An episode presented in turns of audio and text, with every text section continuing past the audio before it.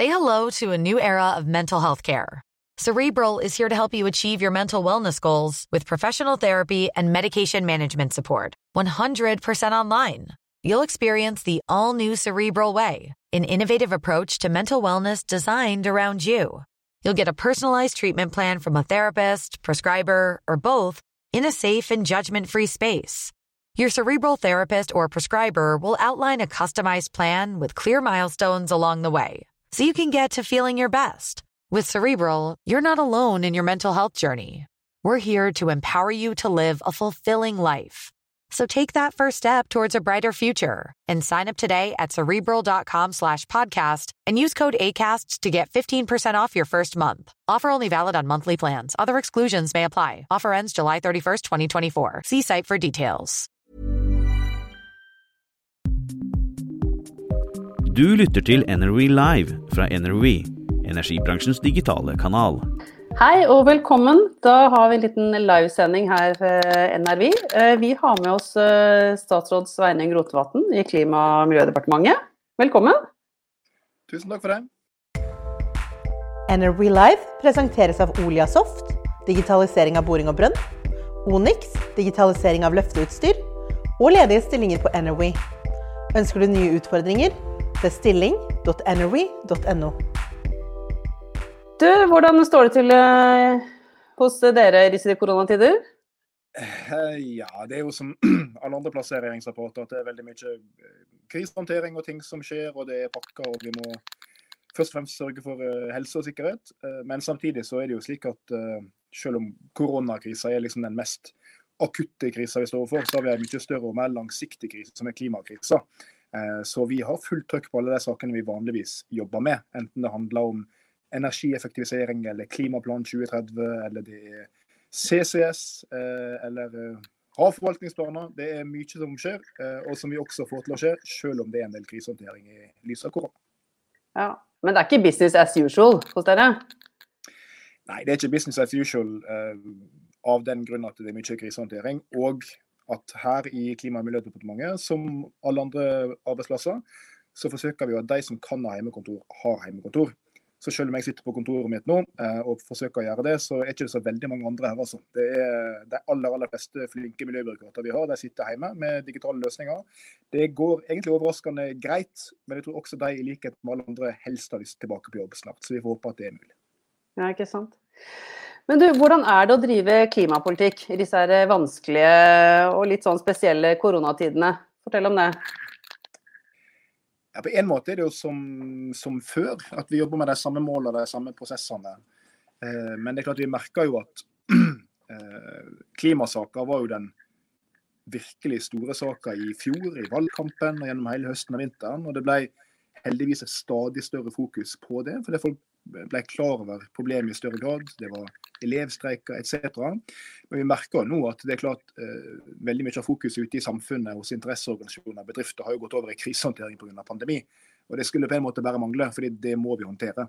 Mm. Eh, Men jeg syns det er viktig å få fram at eh, ja, men når vi har kommet på andre sida av denne pandemien, og vi forhåpentligvis har funnet en vaksine og håndtert korona så godt vi kan, så er vi fortsatt en klimakrise.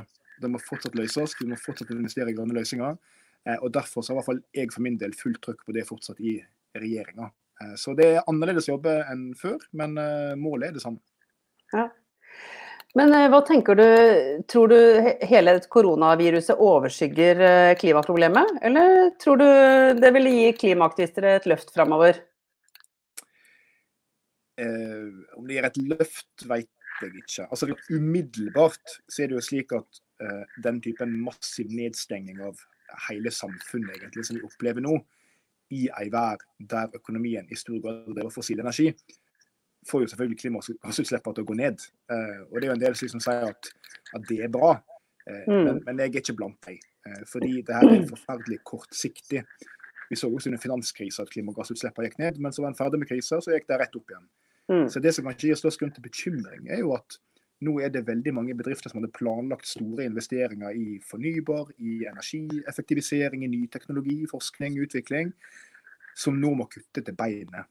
Eh, Så jeg tenker at det er viktig å håndtere dette økonomisk, slik at vi kommer ut på andre sida med flinke folk i jobb, levende bedrifter i live, også i et klimaperspektiv, slik at vi kan få gjort de klimainvesteringene vi trenger framover, og ikke må håndtere massiv arbeidsledighet og konkursras. Mm. Du, hva tenker du om eh, de meningsforskjellene som har vært mellom klimaforkjempere og miljøforkjempere? Det, er klimavennlig det samme som miljøvennlig? Eh, ja, det er det jo. Eh, jeg er veldig opptatt av at vi ikke skal lage en stor motsetning mellom klima på den ene sida og, natur på den andre. Så kanskje litt mer presist enn miljø. Mm, mm. Det, det, er klart, det er jo konflikter av og til, men det er ikke noe nytt.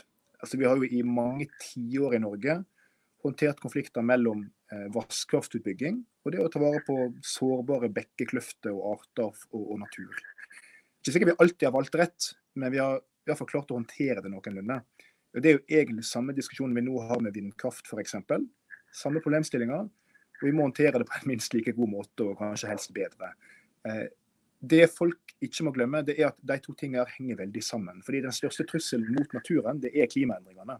Klimaendringene vil ødelegge verdifulle eh, økosystem over hele jorda.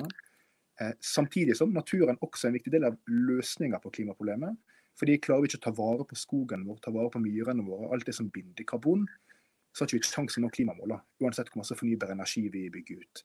Så her må en rett og slett bare se i sammenheng. Eh, det er veldig mange som vil ha enkle svar, men her finnes det ingen enkle svar. Vi må rett og slett bare klare å finne en balanse. Så er fordelen min at jeg er både klima- og miljøminister. Jeg har både ansvar for natur og for å få ned klimagassutslippene. Eh, og jeg håper at jeg klarer å finne den balansen eh, ganske godt, stort sett. NRV Live presenteres av Oliasoft, digitalisering av boring og brønn, Onyx, digitalisering av løfteutstyr, og ledige stillinger på NRV. Ønsker du nye utfordringer? Bestilling.nrv.no. Men du, du nevnte vindkraft. Eh, Er det bra eller er det dårlig med vindkraft? Ja, det er jo nettopp den typen spørsmål jeg ikke liker at jeg svarer ja eller nei på. Eh, og det er ikke fordi at jeg er, jeg er så redd for å svare ja eller nei på ting, men det er fordi at eh, vindkraft er bra, vindkraft er viktig, men ikke til enhver pris som helst. Mm. Mm. og Det er det som er litt sånn dumt med den debatten vi har fått. fordi Det finnes masse vindkraftprosjekter i Norge som er kjempefornuftige, gir oss ren fornybar energi, eh, har helt minimale konsekvenser for natur og friluftsliv og utsikt og hva det måtte være. Og så finnes det vindkraftprosjekt som er veldig dumme. Som liksom Mm. ødelegger verdifulle friluftslivsområder, som vil gå hardt utover sårbare arter. Og da bør en si nei. Så egentlig mener jeg at det å si er du for eller mot vindkraft, er like dumt som å si er du for eller mot vannkraft. Hvis du liksom kan svare tydelig ja eller nei på det spørsmålet, så har du ikke skjønt hva det handler om. For Vi må klare å ivareta både klima og naturhensyn. Eh, og Det kan være rom for politisk uenighet der. ikke sant? Noen vil jo vekte det litt ulikt. Noen syns ikke det er så viktig med natur, og det vil de peise på. Andre syns natur er ekstremt viktig, og da vil de være veldig tilbakeholdne. Uansett må vi klare å finne en balanse. Mm. Men du, det er jo mange som har tatt til orde for nå at vi skal eh, øke opp, eller på en måte gire opp, den grønne omstillingen. Og nå som vi har en sjanse i forhold til at olje, oljeproduksjonen er eh, gått eh, ned, eh, hva tenker du på det? Hvordan skal vi, hvordan skal vi få til dette her? Hvor, mye skal vi forvente av oljebransjen? Ja, jeg tenker at uh, i første omgang nå, så har jo krisehåndteringa i Norge handla om egentlig to ting. og Det ene er å ta vare på liv og helse.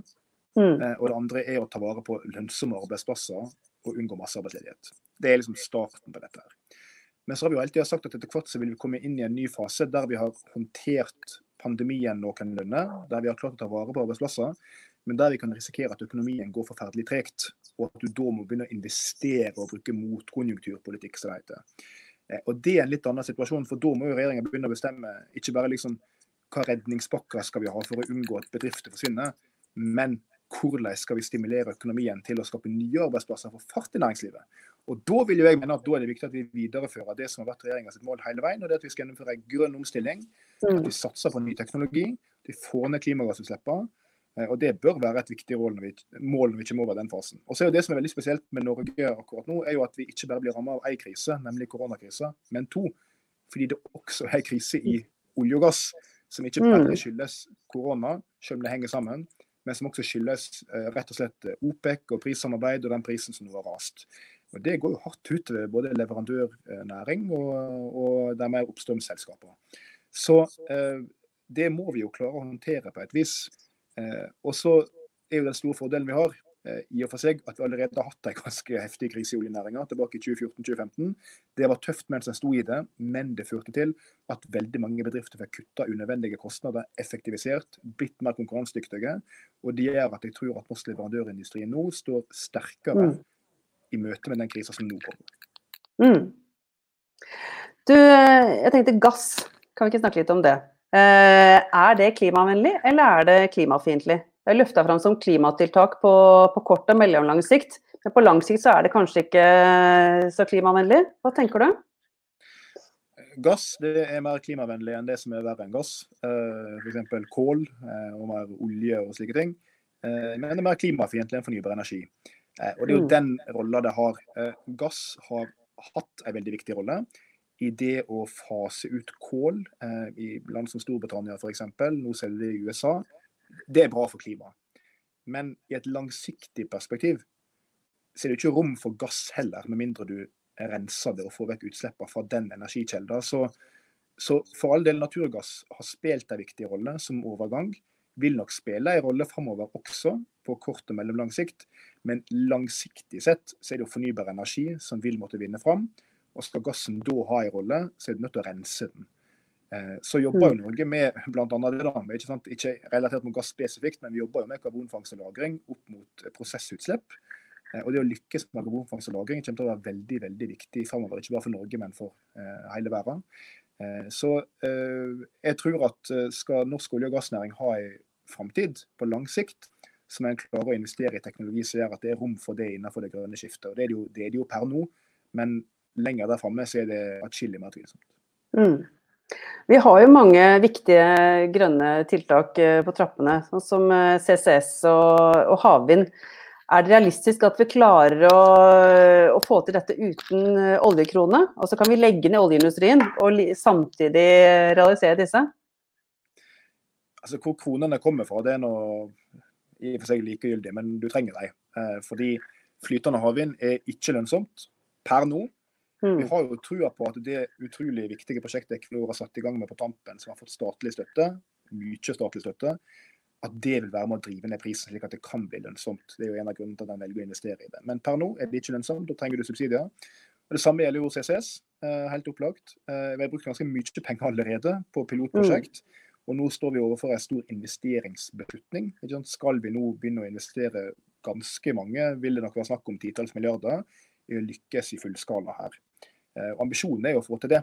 Men jeg må mm. gjøre ting i riktig rekkefølge og vite hva ting koster. Og Det som vi iallfall ikke bør gjøre, er jo det en har forsøkt før. Det var jo på en måte å gi mer eller mindre fri tilgang til kredittkortet til de aktørene som holder på med dette. her. Det gir sjelden veldig kostnadseffektive løsninger. Vi må vite hva ting koster. Men når vi vet det, så kan vi ta investeringsbeslutning. Og så langt har vi fulgt den planen til punkt og prikke. Bora letebrønner, satt i gang eh, pilotprosjekt. Eh, og vi nærmer oss jo nå det tidspunktet der en kan ta en beslutning. og Det kommer til å være en veldig viktig beslutning i regjeringa. Mm. Du, litt sånn eh, avslutningsvis, eh, Hva kunne du ønske deg fra norsk energibransje fremover? Hvilke forventninger har du? Hva, hva ønsker du deg? Nei, Jeg ønsker meg at alle springer og stemmer Venstre og er fornøyd med det. Det er jo stort sett det, ja, Hvis ikke klarer det, da? Nå. Ja, hvis ikke klarer det. Nei, det, jeg, jeg kjenner vel at det ikke nødvendigvis kommer til å skje. Nei, du, Det jeg ønsker for norsk energibransje, er jo at den fortsetter å eh, være den viktige bidragsyteren den er til det grønne skiftet. Altså, men husk at Norge er jo allerede egentlig en veldig privilegert situasjon. fordi der de fleste andre land jobber med å fase ut eh, fossil energi i kraftsystemene våre sine, så gjør ikke vi det, fordi vi har fornybar kraft allerede. Eh, så det jeg håper er at vi vil få se modige investeringer framover. Eh, effektivisering eh, av de vannkraftverkene vi har. At du kan fortsette å bygge ut vindkraft på en skånsom måte. Kanskje få ned konfliktnivået litt. Det ville jo vært bra. Og så vil Jeg også si at jeg håper vi kan få ned konfliktnivået litt når det gjelder spørsmål om kabler for eksempel, til utlandet, der det har låst seg veldig. Men der det etter mitt syn er en veldig sånn merkelig debatt i Norge. fordi der de fleste tilsynelatende syns det er den mest naturlige ting i verden at Norge skal eksportere fossil energi. Så det å eksportere fornybar energi av en eller annen grunn veldig problematisk. Så jeg håper at vi kan få ned konfliktnivået, men fortsatt bygge opp om de fantastiske kompetansemiljøene vi har. Det være seg innenfor energiproduksjon eller nett eller alt det viktige som pågår rundt omkring i arbeidsplasser i by og bygd hver eneste dag. Ja, veldig bra. Du, da tror jeg vi sier takk for praten. Det var morsomt og nyttig. Takk. Sjøl takk. Takk for invitasjonen. Jo, og husk, vask hendene. Og hold avstand. Takk. Du har lyttet til NRV Live fra NRV, energibransjens digitale kanal.